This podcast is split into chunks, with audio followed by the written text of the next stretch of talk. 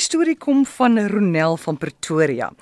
Sy sê hierdie jaar so eind Julie is ek en my man Dries by ons dogter en haar gesin in Kaapstad. Ons kuier daar. Ons klein seun in die naweek, hoeka daar van eind Julie, is hy op 'n voortrekkerkamp by Wemmershoek.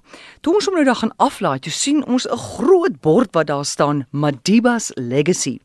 Ek sê vir my dogter dat ons asseblief die Sondag wanneer ons nou gaan om my klein seun te loop haal by die kamp, dan moet ons daar stilhou.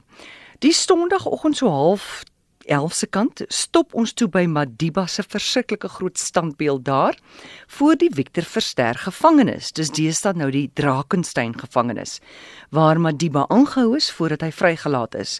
Ek neem 'n foto van my man, my dogter en my kleinseun voor hierdie standbeeld. Terwyl ons daar ronddrentel, kom daar twee swart mans aan en vra vir my man om asseblief van hulle twee 'n foto by Madiba se standbeeld te neem. Dries neem die fotos en ons almal stap weg. Een van die mans draai egter terug en sê vir Dries. Hy sê that man, dis nou sy vriend, says he wants a photo of himself with the white man at Madiba's statue.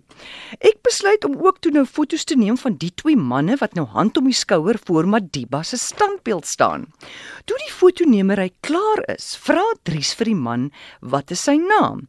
Hy antwoord Nelson. Vra toe vir hulle, hulle moet nou raai, wat is my man se naam? Almal was vir 'n paar oomblikke stom geslaan toe ek sê De Klerk.